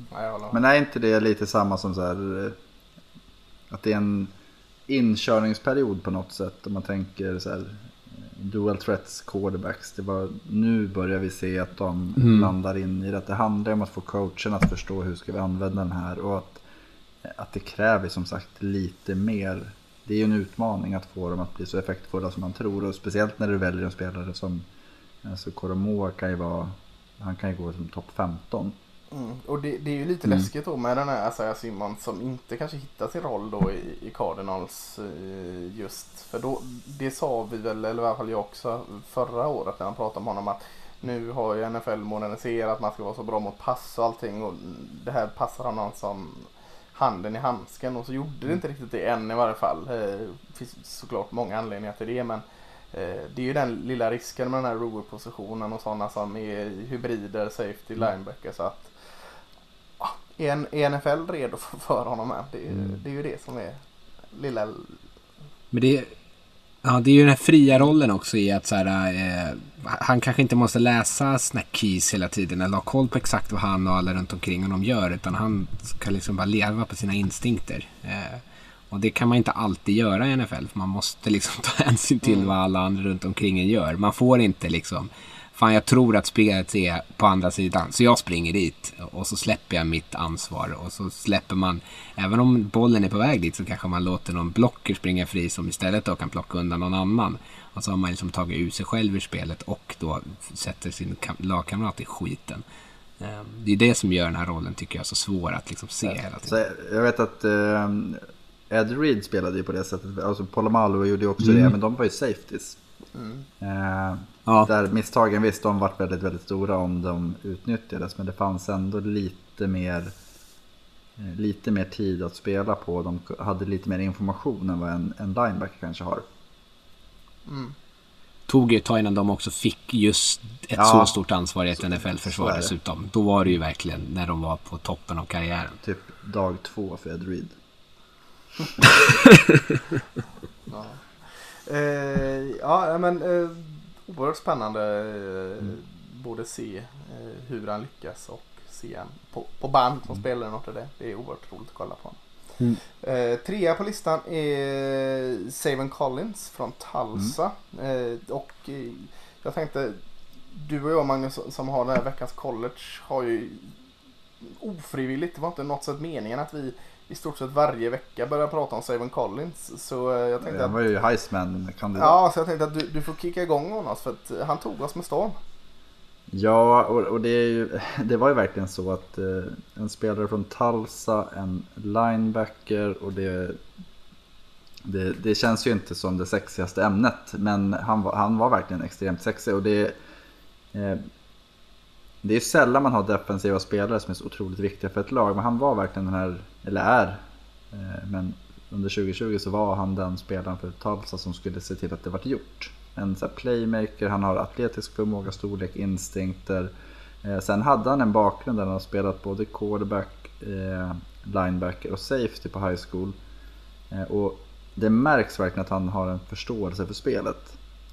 Att han, han, han kan liksom avgöra eller påverka matchbilden på så mycket olika sätt. Att det kändes verkligen men så här, som blitzare kunde han vara den som såg till att matchen ändrades. Eh, eh, att falla ner i cover kunde han göra det, att eh, dirigera sina lagkamrater kunde han göra. Han har verkligen hela det här paketet av en spelare som, alltså om man tänker eh, Koramoa är en, en instinktspelare så skulle jag säga att eh, Savin Collins är ju verkligen den här smarta spelaren som kombinerar det med en förmåga att göra spel och grunden i det är den här atletiska förmågan att han kan utnyttja, att han förstår och ser vad som kommer hända.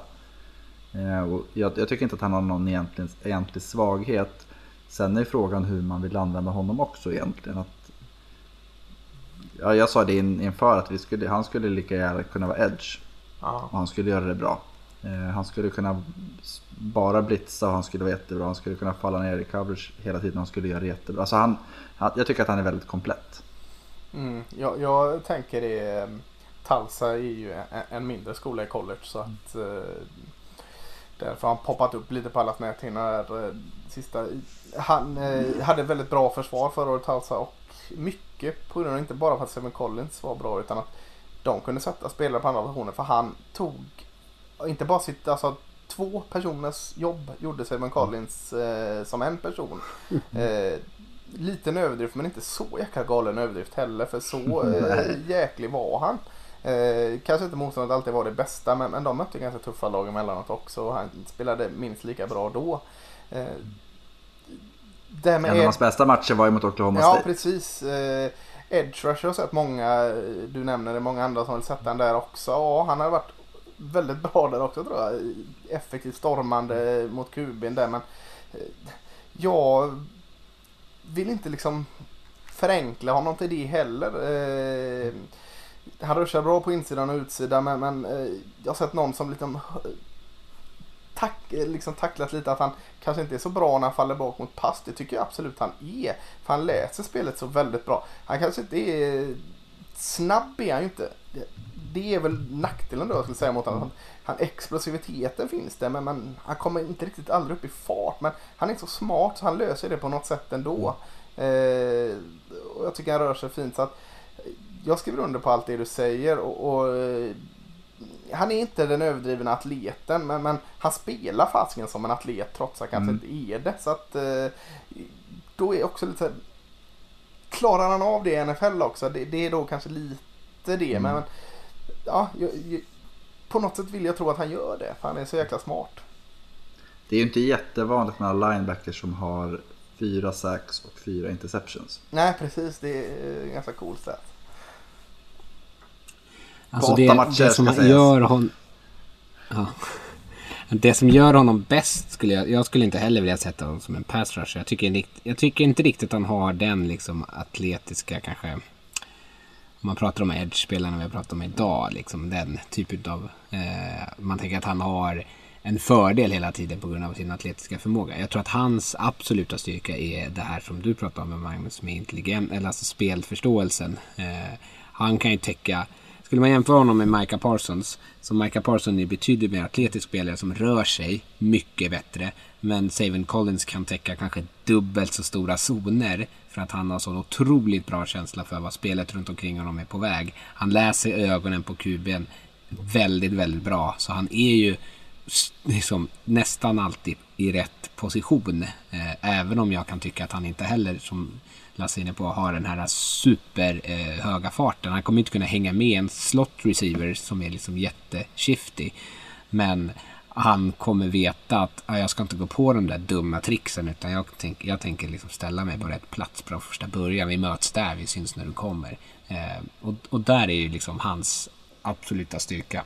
Men och det, det, just en sån grej att han, om man pratar om smartheten, så han har ju en storlek och han vet, alltså det, det är ofta man, alltså jag tycker att han gör spel för att han placerar sig rätt, att han vet att ställer jag, stå, eller här kan jag stanna eller här kan jag stå, då kommer jag kunna nå bollen om, om den passas dit. Och, ehm, ja men det, det är verkligen så här att han, han skallen, det är liksom, det är inte ofta att det är inte ofta man tycker att det är en, alltså, jag vet när man spelade fotboll, man var liten, någon, någon, man hade en, en i laget som var så här, men du tänker rätt.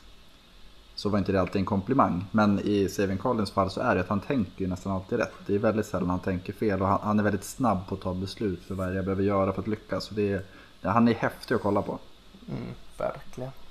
Mm. Eh, det har varit väldigt eh, kul för honom. Alltså, det är sånt också som man sitter och hejar lite extra på. Eh, klart man gillar många av de här på topp 5-listorna annars har de inte varit det. Men, men som man liksom sitter och hoppas nästan när eh, första rundan är att något lag ska ta Simon Collins i första rundan. Eh, bara för att liksom få ytterligare en fjäder i hatten på honom. Eh, fyra på listan är eh, Nick Bolton från eh, Missouri. Eh, Rickard, vad, vad, vad säger vi om eh, lille... lille Måste Lille- jag Det är börja väl så du ska som ska börja med den här känner jag är, rent är det jag som ska börja med Bolton? Ja men då kan jag börja med Bolton. Jag, jag kallar honom för Bolton direkt här nu bara för att eh, vi får in lite svenskt uttal på det också. Eh, ja, eh, de matcherna jag såg, liksom, när jag såg hela matchen med Missouri så var alltid han, han var alltid bäst i, i eh, Missouris försvar. Eh, han är liten, lite för liten för positionen kan man säga direkt. Så det har han emot sig, storleken. Eh, annars hittar inte jag sådär jättemycket liksom, som jag ogillar med honom. Eh, fotboll IQ gillar man att, att slänga runt med och, och, det tycker jag verkligen eh, Bolton har. Eh, läser eh, vad som händer snabbt och, och rätt eh, och, och, exploderar dit vad han har läst. Eh, oftast mot bollbäraren. Eh, med, med sjuk energi och aggressivitet. Så, så, han är ju alltid runt bollen liksom. Han, han är en sån som man kommer försöka glorifiera då med kolla hur många tacklingar han har. För att han kommer ha eh, oändligt många tacklingar var han Alla han tacklingar. Ja och, och, och det, det är ju inte ett bra eh, mått på hur bra en spelare är. Men, men, jag vill ändå säga det för han är alltid runt bollen. Eh, stark och tuff för att vara så liten. Eh, framförallt då när han attackerar mot spring. Eh, och trots sin, sin, lite mindre storlek så tycker jag han ändå är helt okej okay när han faller bak i, i zon då emot pass. Eh, han är kanske inte riktigt lika liksom, tekniskt slipad i den biten. Eller, eh, men, men för att vara en som det hade varit så väldigt lätt att döma ut, det kommer säkert någon av er göra mot pass. Så tycker jag han gör det helt okej. Okay. Så jag, ja, jag skulle plugga in honom som Mike eh, i, eh, i NFL.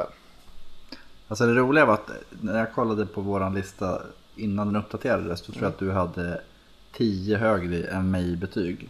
Mm. Ja, men jag gick in och sänkte alla mina linebackers med två. Jag tror vi ligger ganska, jag tror vi ligger ganska lika okay. nu. Men, ja. men jag tänker att Nick Bolton, det är så här, skulle de tre vi har pratat med om tidigare, skulle de få barn, mm. då skulle det bli Nick Bolton. Ja, alltså, han känns ju lite som en sån blandning av dem alla tre. Och just som du säger, att han, det är väl den som är mest tydlig Mike. Ja. Eh, just han, han är, men jag tycker att han är ganska komplett. Eh, och han är verkligen den här, som du säger, tacklingsmaskinen som man, man, du behöver ändå ha den spelen. Du behöver ha någon som är runt bollen hela tiden. Vad heter han vi alltid tar upp i ungefär? Martinez va? Ja, Blake Martinez. Ja, Blake Martinez, ja. ja. Mm. Ja, men det, det, fast jag tycker att Bolton är bättre. Ja. Han, har, just den här, han har ju eh, en annan typ av explosivitet och aggressivitet. Mm. Eh, och han känns, han känns man, ser, alltså, man ser verkligen att det är en ledartyp när han, när han är där ute. Mm. Eh, och som du är inne på det, att han är lite kort och det, det påverkar såklart eh, när han spelar liksom, framförallt zonförsvaret i pass. Att det, han, han, behöver ju vara helt på rätt sida och då blir han ju mer sårbar. Om man, alltså kommer det en, en slot receiver som är lite kvickare i fötterna så har inte han en chans. Nej. Eh, men, men nej, alltså jag tycker att Bolton är... Är det Bolton så det jag skulle säga? Bolton. Bolton. Ja. Nej, men jag, jag, tycker att han är... Eh, jag, jag, tror att han... Det är en sån så här, ganska säkert kort att välja. Han spelar liksom från dag ett. Mm. Tvärtom. Ja, ja, innan du kommer här nu då. Så, så bara, du, du la ut, eh, precis innan jag gick in och spelade in här så, så la du ut no, någon jämförelse-tweet. Jag tryckte på gilla direkt där utan ens att läsa om eh, vad det handlar om. Men det var någon jämförelse med, var det Devon Bush eller? Ja, jag är, när jag började kolla den här linebacker-gruppen så pratades det om att Nick Bolton, att man kunde jämföra okay. med Devin Bush för också som en, en mindre eh, linebacker. Eh, som man också pratar om är eh, har mycket tacklingar och alltid runt bollen. Eh, det som gjorde, det förstörde ju min upplevelse av Nick Bolton ja. tror jag. Eh, därför att då tänkte jag ju att okej okay, då ska jag se Devin Bush som jag tyckte var väldigt, som jag var väldigt förtjust i. Eh, när han kom ut. Eh, och jag tycker att Bolton är inte alls lika snabb, inte alls lika snabb på att liksom diagnostisera spelet. Och även om han är runt bollen så känns det som att han många gånger är tvåa. Snabbare, dit. snabbare än Bush tycker jag. Mm. Han springer ja, förbi bollen. Ja. ja, jag, så jag är inte jätteförtjust. Jag, jag har satt ett, eh, ett tredje runda eh, grade på honom. Ja. Jag har inte satt in det ännu och det hade ju förstört hela, ja, hela rankingsystemet. Ja. Nej, troligtvis inte. Eh, det var lika bra det att jag inte gjorde det då. Eh, jag tycker att han är ganska begränsad. Eh, jag håller med om att han, om man ska titta på så klassisk Mike linebacker så är han väl det. Även om han är kort, men så är han ju en klassisk Mike. Han är byggd lite som ett cementblock. Han är väldigt bra mot springspelet jag tycker stundtals att han är lika seg som ett cementblock när han ska byta riktning. Eh, så sådana längre sweeps och så, så känns det som att då kan han eh, hamna ur position. Eller om han tar ett felsteg eh, först, att han hamnar lite tveksam till. Eh, mycket tacklingar. Eh, jag tror också att han kommer att ha en del tacklingar. Han har några han missar också, vilket jag kan tycka är lite oroväckande. Men kanske inte som är egentligen ett jättestort problem. Eh, jag håller med om att han är eh, aggressiv mot bollen när han väl tar beslutet att han ska dit. Eh, men jag, jag, tycker inte att han alltid är... Jag tycker att han är, många gånger är lite för seg att veta vart han ska någonstans och lite för långsam att ta sig dit. Jag tycker inte jag ser det här superatleten som eh, många pratar om. Så det, han kommer ha problem mot eh, Andy Reid här då och, Chiefs offensiv med alla sweeps och mm. grejer. Eh, då säger vi ja. redan nu att uh, Raiders draftar honom i andra rundan. Då som är på jakt på linebacker så kommer han bara se Och, och Cowboys kommer välja Milton Williams. Ja, så just mot sweep och, och, och andra screens, uh, Chiefs så lägger de uh, hoppet på Nick Bolton. Mm. Mm. Ja. Ja, eh, femma på listan i... Eh, Jabril Cox. Jabril Cox ja, från LSU som eh, inför eh, förra året flyttade från eh, division 2-skolan, förenklar jag säger det, North Dakota State. Eh, och kom in direkt. Dynastin. Ja, och, och, kom in direkt här. Eh, linebacker och LSU har ju gått väldigt fint ihop de sista åren. Patrick Queen eh, förra året och White som vi redan har pratat om något år innan där. Så att eh, de har tagit fram väldigt många bra linebackers. Dion Jones. Precis. Eh, men, men, Cox är eh, atletisk, eh, snabb, explosiv upp mot land och scrimmage. Lång och, och relativt smidig och, och, och, naturlig i sina rörelser för sin längd. Höfterna är fina där när han faller bak mot pass. Eh, men känns också som att han har något år kvar att utvecklas. Eh, har lite svårt att läsa eh, det som händer kring line of scrimmage och kan reagera lite sent och agera lite fel på det han läser. Eh, så just han, den eh, taktiska biten måste han utveckla vidare. Eh, tyckte han gjorde det stundtals om man kollade första matchen och någon av de sista matcherna med LSU. LSU gick kanske upp och ner hela säsongen men, men Jabril Cox gick, blev bättre och bättre för varje match och utvecklade ju sina svagheter syntes tydligt. Eh, fin teknik och bra vinklar i tacklingarna, sådana saker. Det är alltid skönt att se. Eh, men, men, en eh, linebacker som eh, ändå är tydlig linebacker som är så bra emot pass. Det, det eh, tycker jag man kan lyfta fram med honom.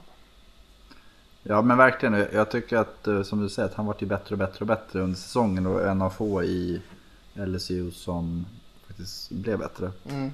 Eh, men, men just den här, eh, det brukar vara lättare att vara den aggressiva spelaren. Han är ju verkligen bättre mot pass när han får sjunka ner. Mm.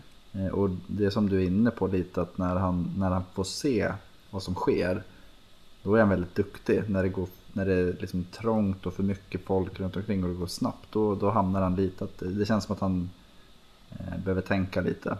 Eh, men annars, jag, jag skrev så här att han kör på det han ser och det är ju på gott och ont i det här fallet att eh, ser han rätt då kommer han göra rätt saker.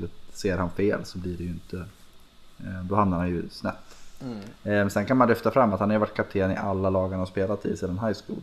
Även i LSU i år som kom in som nationella mästare. Ja, det är en väldigt fin egenskap. Ja, eh, och det är, jag tror att det är en sån sak som gör att det är tillsammans att han är duktig i pass. Man tänker att 60-70% av alla spelare pass så eh, tror jag att han kommer gå tidigare än vad många tror.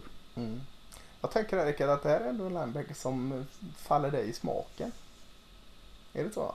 Eh, ja, alltså han rör sig ju väldigt bra. Eh, sen är han kanske inte så här supertuff Eh, som jag kanske skulle ja. önska. Men eh, jag håller med om det ni är inne på att liksom man, man kanske framförallt skiner i hur, hur duktig han är mot pass eller hur följsam han är i, i routes och så. Hur han placerar sig rätt när han, när han faller ner i zon sådär. Eh, sen kan jag hålla med om att det är, lite, det är lite upp och ner. Ibland så ser man spel där man funderar på vad, vad är helskotta är det han gör just nu? Vad är det han har sett som han liksom eh, har missuppfattat. Eh, men det är att liksom Ska man satsa på en atletisk profil så har han ju verkligen den här moderna linebacker-kroppen. och han har väl spelat QB tidigare va? Mm, jag får med det i fall. Ja, jag vet inte hur länge sedan det var. Men det, när jag, liksom, lite som man... Eh, eh, lite som man känner med eh, Saven Collins, det här med spelförståelsen. Så känns det ändå som att han har ganska god spelförståelse för typ route-koncept och sådana saker. Eh, så jag, jag, tror ändå att han har ett ganska högt tak. Men i, man måste ju coacha bort de här missarna. För eh, det känns som stundtals eh, så är han liksom en, en stor risk att ha där ute på planen. Ja, det håller jag med. Och, och, men det tror jag också det kommer vara. Alltså, det har gått väldigt snabbt i hans utveckling från North Dakota mm. State där uh, ingen såg de missarna. Uh, inte för att ingen kollade utan att uh, helt enkelt man kom undan med dem där till att han spelade för, blev lagkapten för regerande mästarna som var helt ute på och svajade. Så fick han väldigt mycket ansvar och, och, det ansvaret var han nog inte riktigt van vid innan. Så att, jag tror han kommer växa in i det, jag hoppas det i alla fall. Mm. Ja, eh, ska vi gå kör 20 linebackers till eller? Det, det, det är väl rimligt tycker jag. Eh, nej, jag ska, jag ska inte vara sån. Men, men eh, en linebacker var får vi lyfta och så sen så kör vi lite uppstuds. Har du någon Rickard som du tycker är värdig att nämna? Uh, säkert flera stycken. Uh, nej men jag uttal, osäker på uttal, men Jamin mm. Davis uh, från Kentucky. som jag också tror är en sån här spel som kommer gå i andra rundan någonstans. snabb, atletisk, också en sån här spelare som rör sig väldigt bra. kanske någon, just för tillfället är han för lätt ser kanske lite ibland ut som en sån här hybrid mellan linebacker eller strong safety. Han är så jäkla kvick. Ja. Eh, ska vara nära boll, eh, väldigt följsamt, jättebra mot eh, passförsvaret. Eh, tycker att han eh, är en spelare som kanske... Alltså jag förstår att man kan eh, bli osäker på vikten eh, och att han behöver spela i ett system där han hålls ganska ren. Eh, men och sen har jag sett, om det var Channel eh, Jeremiah tror jag som jämför dem med Darius Leonard, vilket jag tycker är en dålig... Jag tycker Darius Leonard är lite av ett unikum, så det är dumt att jämföra spelare med Men uh, han var väl... Det var inte många som var höga på honom. Det var... Nej, jag, jag framförallt var inte Jag var jättehög på honom. kritisk till Leonard. uh, men jag, jag, tycker mig se uh, lite likheter i typ Rokon Smith och, och, i Corey Littleton. Att här, spelare som hålls de rena så kan de vara eh, jätteverksamma. Och med Littleton framförallt kanske han... Eh, nu hade han lite problem med Raiders här så det är ju taskigt kanske att säga. Men han är ändå en bra spelare i coverage. Eh, och det tror jag framförallt att, att Davis kommer vara eh, jätteduktig på. Eh, och kan han hållas ren bakom liksom en stabil defensiv linje så kommer han också kunna skrapa upp en, ett gäng tacklingar. Mm. Magnus? Ja, ja, men som sagt. Jamin Davis var en sån som eh, hade varit kul att lyfta. Men jag, jag tänker eh, Chess Rat eh, mm. från North Carolina. Det är ju en, framförallt så dels är han ju väldigt bra. Eh, men sen så har han ju en kul historia också. Att han, han eh, var ju startande quarterback för North Carolina 2018 kan det ha varit va? Eller 19? Ja, det var när han blev petad av Trubisky va? Ja, precis. Mm. Och då hade han ju valet att ska jag söka mig vidare eller ska jag stanna här i skolan och vara backup quarterback. Och sen så var det någon av coacherna som sa men du kan ju prova en annan position också om du skulle vilja det. Mm. Eh, och då vart det linebacker.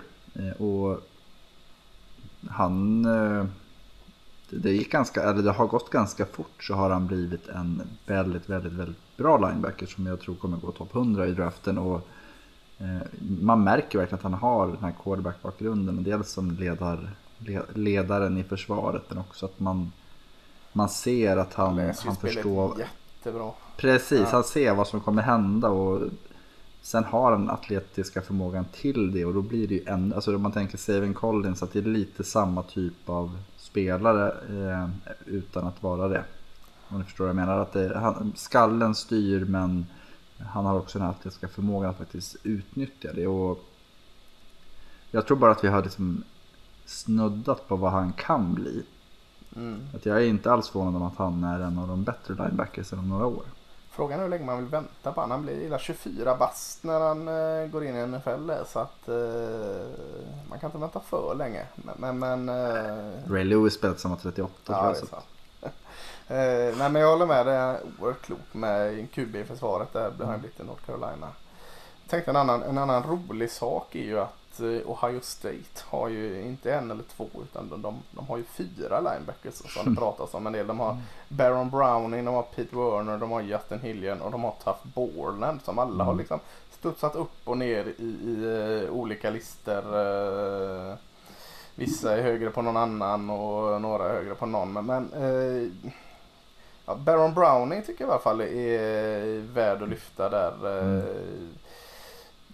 som också utvecklat lite som eh, eh Saven Collins eh, väldigt snabbt sitt sista år här och lite överraskande. Jag tror inte de hade väntat så mycket eh, kring honom. Eh, väldigt fin ut, toppade med väldigt fin seniorbollvecka. Eh, fysisk, atletisk, eh, stor, snabb, smidig, explosiv. Har alla de här fina egenskaperna som, eh, som man nog fortfarande kan utveckla. Eh, så det är en av dem, Ohio State linebackarna där som, som är, sen har vi en annan Pete Werner också spännande. Justin Hillier då, sina Taffbollen är väl mer eh, kanske en, en college-produkt men eh, lite kul att Ohio State eh, bjuder till med fyra linebackers som alla beräknas draftas i alla fall. Under ett år där försvaret inte riktigt var bra också. Precis. eh, Ja, det är eh, Våran kära Patreon-lyssnare Jonas här hade ju en fråga eh, om, om Chargers då. San Diego STX-frågan. San Diego State, eh, de har inga linebackers så den kan vi stryka. Men, men eh, var lite nyfiken på eh, spelare kanske runda 3-4 någonstans som eh, Chargers ska välja då. De tog ju Murray eh, högt förra året. Men, eh, tre, fyra, fjärde rundan. Chesserat skulle väl vara en sån som kan Mm, finnas kvar där, va? absolut. Mm. Absolut. Eh, skulle kanske funka in där. Jag tänker en sån som Charles Snowden i Virginia. Har pratats lite för lite om. Mm. Kanske var bättre 2019 egentligen eh, och 2018. Eh, Tony Fields i West Virginia också. En spännande eh, spelare. Ja, Tunn. Tunn är absolut. Eh, men Jo, men och det funkar ju. Precis. Det funkar jättebra när man har Murray bredvid, så det är väl det som är roliga när man får liksom den typ av fråga. För då kan man verkligen börja liksom zona in på en spelartyp. Mm. Eh, för man säger så här, Dylan Moses var ju en... Ja, jag tänkte att vi skulle komma in på han. eh, vi, kan gå in på han lite. Ja. Ja, jo, men han, han känns ju som en spelare som många förmodligen har hört talas om. Mm. Eh, Han, gjorde, han var i korsbandet förra året va? Ja, allting har gått på han. Ja, hela, ja. knä och fot och Ja. allt. Knä, fot, Eh, korsband. Och han, var- han var ju så, så, hade han gått i draften förra året tror jag han hade gått första två rundorna. Mm, och han har gått året innan det. Han har gått första rundan nästan. Så, Ja, den har gått först nästan till. Nej men han det är en jättetalang. Sen i år så, så var han inte bra. Och man såg att han var ju hämmad av skador och sen har det kommit så här information som är att ja, men, han hade ont, han, hade, liksom, han var inte redo att spela och hela den biten. Och en sån spelare blir jätte, jätteintressant att se. Eh, Jalen Smith, eh, nu har Ja. han varit väldigt upp och ner tycker jag i, i Dallas. Men det är ändå att hans högsta hö, höjd är ju bra. Och då är det ju ett fynd i en andra runda. Och Dylan Moses är ju verkligen en sån spelare. att ja, men Plocka honom i runda tre eller fyra. Låt honom så undersök honom, se till att han blir fullt frisk och hel. Och sen så kan du få en, en first round talent eh, dag tre liksom. Ja, det som var så tråkigt med Dylan Moses var att det syntes så väldigt tydligt att det som gjorde honom unik, hans atletisk eh, smidighet, explosiviteten där, fanns ju inte alls förra året. Och då är det så, är det som du säger att han fortfarande springer runt och inte riktigt kvitt skadorna eller är det så att skadorna helt enkelt har satt de spåren på honom. Att han blir aldrig den spelaren han har varit. Så att det är ju som du säger, det är en jättestor risk eh, att- att ta honom. Så, Därför går han ju inte, därför går han inte de första två dagarna. Nej precis, jag tror liksom han kommer falla ner till i varje fall runda fyra. Eh, någonstans. Eh, och då, då kanske det är värt att, att bränna på, på en sån risk. Mm. Ja. Eller chans. Eller chans, ja precis. Ja, nej men eh, jag ska inte mala så mycket mer linebackers. Vill ni mala några mer linebackers eller? Får jag mala en absolut. till alla aldrig nej till en linebacker till. eftersom, att du, eftersom att du tog upp Mm. Senior Bowl. Eh, så kanske den linebacken som in, in, inte nödvändigtvis den bästa. Jag tyckte väl att Browning var bäst där. Eh, men den åtminstone mest ung... Är han Vad sa från? Houston? Ja, Ja! Grant Stewart ja. Alltså fy vilken Ja. rolig spelare. Herre min skapare, vilket, alltså dels på Senior Bowl, han sp- springer runt liksom som om man, with the hair on Ja, fire med säger man ju. Eh, ja. liksom. Och är liksom runt bollen hela tiden. Sen är han ju typ 1,30 eh, och Han han, är lika han har lång typ som lika mig. mycket hår. Vad är du då? 1,37?